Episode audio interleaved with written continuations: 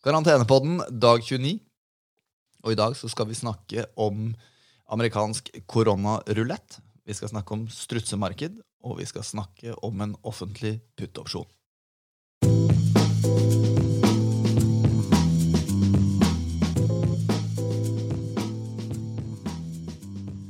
Er du med meg, Kristian? Det er jeg. Nå spiller vi om tidlig om morgenen. Det tror jeg faktisk aldri vi har gjort før. Det er første gang. Det er friheten av å ha hjemmestudio, så da kan vi bare gjøre det her akkurat når det passer oss selv. Det er det, og det føles uh, veldig bra. Ja, men, men du, rulett i USA, hva er det som Ja. skjer?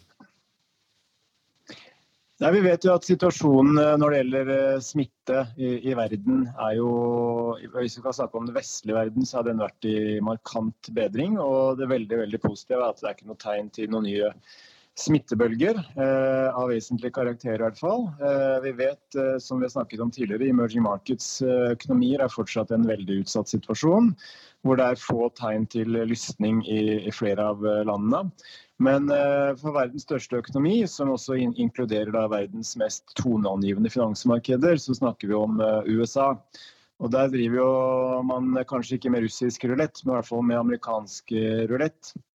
Med tanke på at eh, det er eh, en ekstremt, eh, en historisk situasjon i de amerikanske gatene. Voldsomme protester, demonstrasjoner. Det er blitt skutt med, med gummikuler fra politi, militærpoliti mot ikke bare vold, voldelige demonstranter, men også fredelige demonstranter. Og dette toppet seg jo egentlig i går, når eh, gatene ble ryddet. Eh, fredelige demonstranter ble rett og slett uh, dytta bort, skutt på med gummikuler eh, tåregass, pepperspray osv. for at Trump skulle bli tatt bilde av med en bibel foran en, eh, en kirke. Uten egentlig å si et eneste ord, det var bare en foto. Eh, man skulle ta bilder. Men du, Kristian, det er ikke akkurat lett å danne seg et eh, balansert bilde av det her når den fòringen vi får, er gjennom media, og vi kjenner jo hvordan media drar ting i forskjellige eh, retninger nå. Er det slik at det liksom er utstrakt luting eh, forbundet med, den, med disse demonstrasjonene? Eller er det liksom et bilde som media prøver å, å, å lage? Er det sånn at de fleste demonstrasjonene her faktisk foregår fredelig? Eh, mi- mitt inntrykk er at eh, nå, nå, nå vet vi jo ikke. fordi eh, som du sier, mediene kan kanskje vektlegge ulike ting, litt, litt avhengig av hvilken kanal man, man ser på eller hva man leser. Men mitt inntrykk er jo at når det oppstår slike situasjoner, så vil jo kall det de fraksjonene i samfunnet da, som kan ha en tilbøyelighet til å ty til vold, eller utnytte muligheten til å, å knuse vinduer og stjele TV-er eller hva det måtte være, de, de benytter jo muligheten. Men det er klart at dette er en problematikk som jeg tror stikker mye dypere eh, enn dette. Og det ser vi jo i de grupperingene som også protesterer og som går i demonstrasjonstog. Dette er ikke bare eh, afroamerikanere som eh, reagerer på det som har skjedd eh, med tanke på politivold osv., men det er eh, det, er en eh, si, multikulturell, eh, tverretnisk eh, gruppe av befolkningen som nå reagerer eh, veldig veldig sterkt. Og så jo bilder i går også fra en by, jeg husker ikke hvilken det var, hvor en, en, en rekke med hvite demonstranter eh, lager en, eh, rett og slett en, en, eh, sperring eh, for å beskytte de afroamerikanske eller eh, multikulturelle eh, fargede delen av befolkningen, da, eh, demonstrantene, mot politiet. Så dette er eh, en, en situasjon som man egentlig ikke har sett eh, lignende siden slutten av 60-tallet. Eh, og, og måten Trump håndterer dette på også er jo ja, nå, nå er ikke vi kjent for å være noen Trump-elskere i danske bankers, men eh, det får da være grenser. Altså, det han oppfordrer til i går, er rett og slett eh, Han, han truer eh, delstatsguvernører med at hvis de ikke ordner opp i dette, og han kaller flere av dem eh, svake altså Det er en, det er en retorikk som liksom, det hører ikke hjemme noe sted i noe vestlig verden. Så truer han da med å, med å sette inn militæret, eh, basert på en lovgivning som er 203 år gammel eller noe sånt nå. Så hva skal man si? Dette er en situasjon som da setter den voldsomme fremgangen i aksjemarkedet også et litt spesielt lys, uh, syns jeg, da. Det er jo helt sånn uh, dommedags uh, I hvert fall noen av de scenene man ser. da. Det er jo et lite utsnitt, selvfølgelig, men det ser jo helt uh, vilt ut. Altså, Virker som om liksom kontroll, i hvert fall, det begynner å skli ganske greit ut gjennom hendene på Trump. Det som kanskje kunne vært at han kunne vært the corona savior, og det kunne hjulpet han i valget. Det ser ikke helt sånn ut lenger nå. Nei, og det er ikke så mange ukene siden han uh, i forbindelse med koronakrisen uh, sa at han var a wartime president.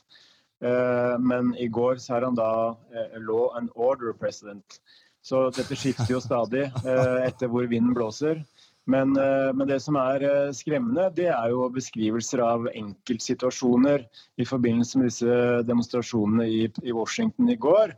Eh, hvor bl.a. politiet som jeg nevnte, skyter gummikuler mot fredelige demonstranter fordi at de skal rydde eh, plassen der Trump skal, skal gå. Og En episode det er en, en, mann som da, en, en eldre mann som antas å få et hjerteinfarkt. Som eh, da må skjule seg eller gjemme seg i en sånn dør, en oppgang til en bygning. Eh, og, og, og, løper unna kulene. Og så er det da andre demonstranter som løper til for å prøve å hjelpe han, og så blir de beskutt med gummikuler og må bare rømme. Så det er klart, det, Dette er en situasjon som stikker ganske dypt ned i den amerikanske folkesjelen, tror jeg. Og, og, hvis man også ser på aksjemarkedet, hvordan det bare stiger oppover, så er det ingen tvil i min lille hjerne i hvert fall, om at uh, denne situasjonen her, den er ikke med på å forsterke et økonomisk oppsving på noen som helst måte. Og jeg, jeg sjekka nå en oppdatering på eh, spareraten hos amerikanske husholdninger. Altså hvor stor andel av inntekten per måned som amerikanske husholdninger sparer. Og den har nå steget til eh, unprecedented 33 eh, Normalt så har spareraten i USA ligget et sted mellom eh, ja, 5 og, og 10 eh, siden 1960-tallet. Men nå er den altså på 33% og Det var riktignok i april, hvor det var vanskelig å bruke penger fordi folk ikke gikk ut. Men det er klart at det som er ganske høy sannsynlighet, det er at mange husholdninger nå vil begynne å tenke at det er litt det, det, er bedre å være føre, snar, nei, føre varen etter snar med tanke på å ha litt ekstra penger på bok, med tanke på den veldig uoversiktlige situasjonen man har i USA. Ikke bare med tanke på koronaviruset, smittefrykt, men også en veldig veldig anspent politisk situasjon som helt klart kan vedvare eh, frem til valget, og kanskje også etter valget i USA i november. Det der er en fin fly-in til vårt eh, neste avsnitt. Vi går over til markedet.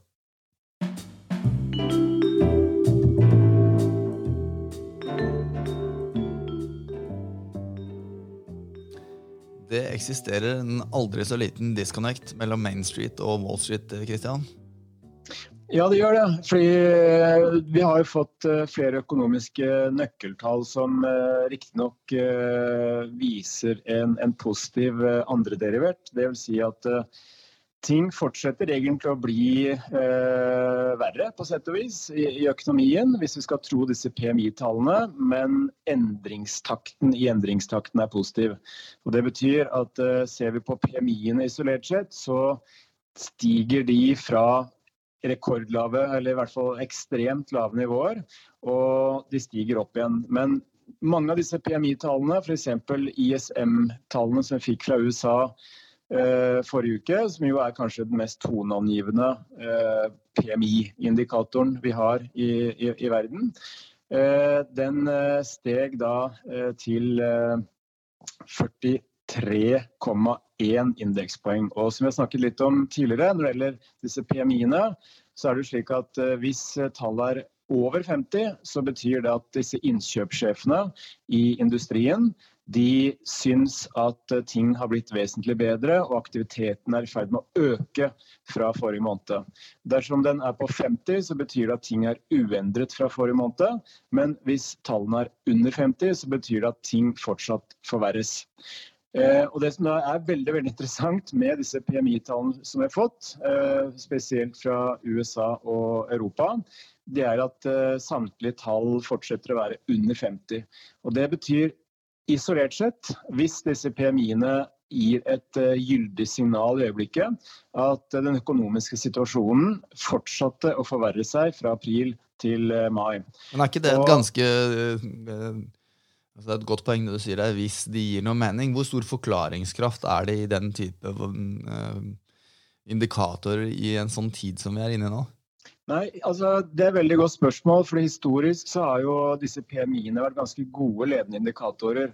Og Hvis man ser på den globale PMI-en for industrisektoren, så har den hatt en korrelasjon mot faktisk industriproduksjon fire måneder etterpå på 86% altså Det har ganske, vært en veldig god eh, ledende indikator.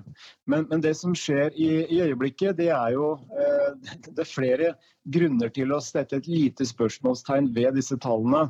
Eh, fordi i utgangspunktet så er jo dette en spørreundersøkelse blant uh, innkjøpssjefer. Og det er klart at uh, Innkjøpssjefer de er uh, også mennesker, og jeg vil tro at svarene som gis fra innkjøpssjefene, også helt klart vil kunne påvirkes av den usikkerheten og den situasjonen man er inne i. Så Noe av dette er jo harde, kall kvantitative Eh, data, eh, men andre ting er mer kvalitativt, sånn som hvilken eh, sysselsettingstakt bedriften ser for seg fremover osv. Det er det vanskelig å kvantifisere. Det er noe som kommer litt sånn fra, fra gut instinct, vil jeg tro.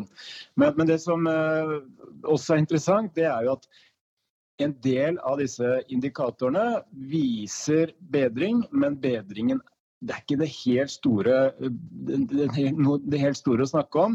Fordi hvis, hvis vi eksempelvis ser på eh, ISM-en, og så ser vi på forholdet mellom nye ordre, altså ordreinngangen, og lagerbeholdning, så vet vi at hvis det er en voldsom bølge av nye ordre, så, bor, så borger jo det for at produksjonen skal øke, aktiviteten skal øke, sysselsettingsbehovet skal øke osv.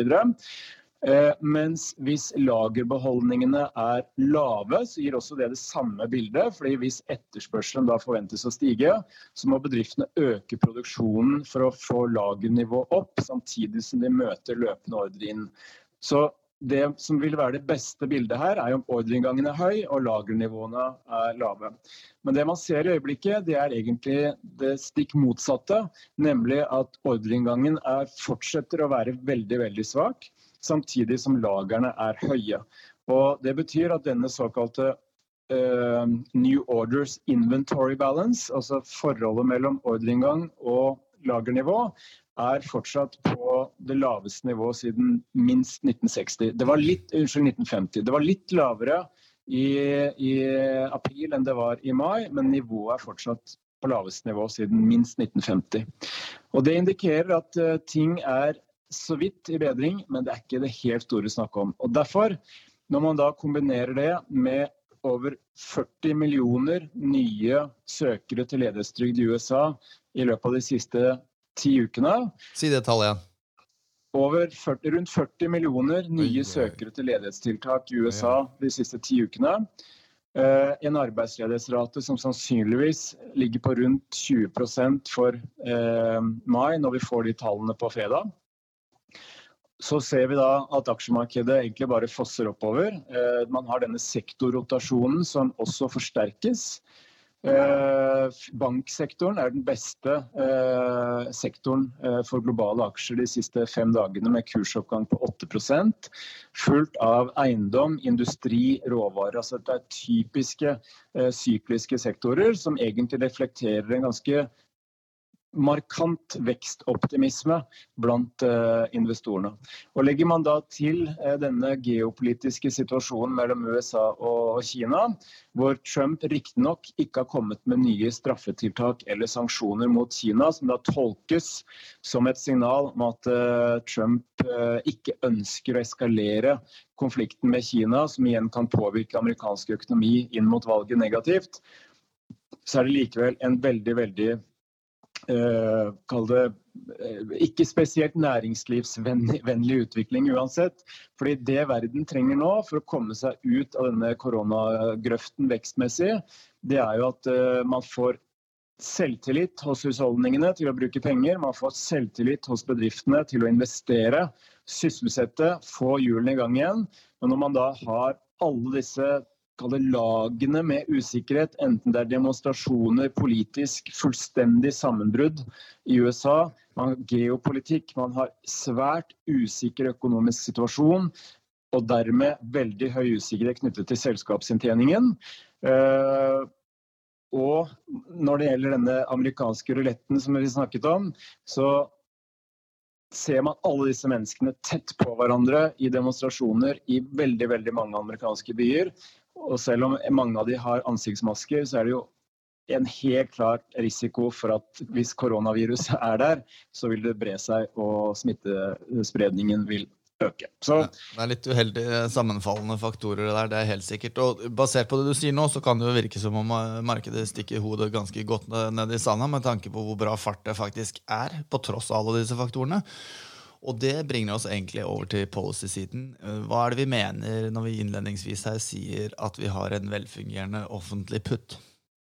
Jo, eh, når, man da ser på denne disconnecten da, mellom Wall Street og Main Street, som det fint heter på, på engelsk, eh, så kan man lure på hvorfor ignorerer markedet alle de risikomomentene vi har rundt oss.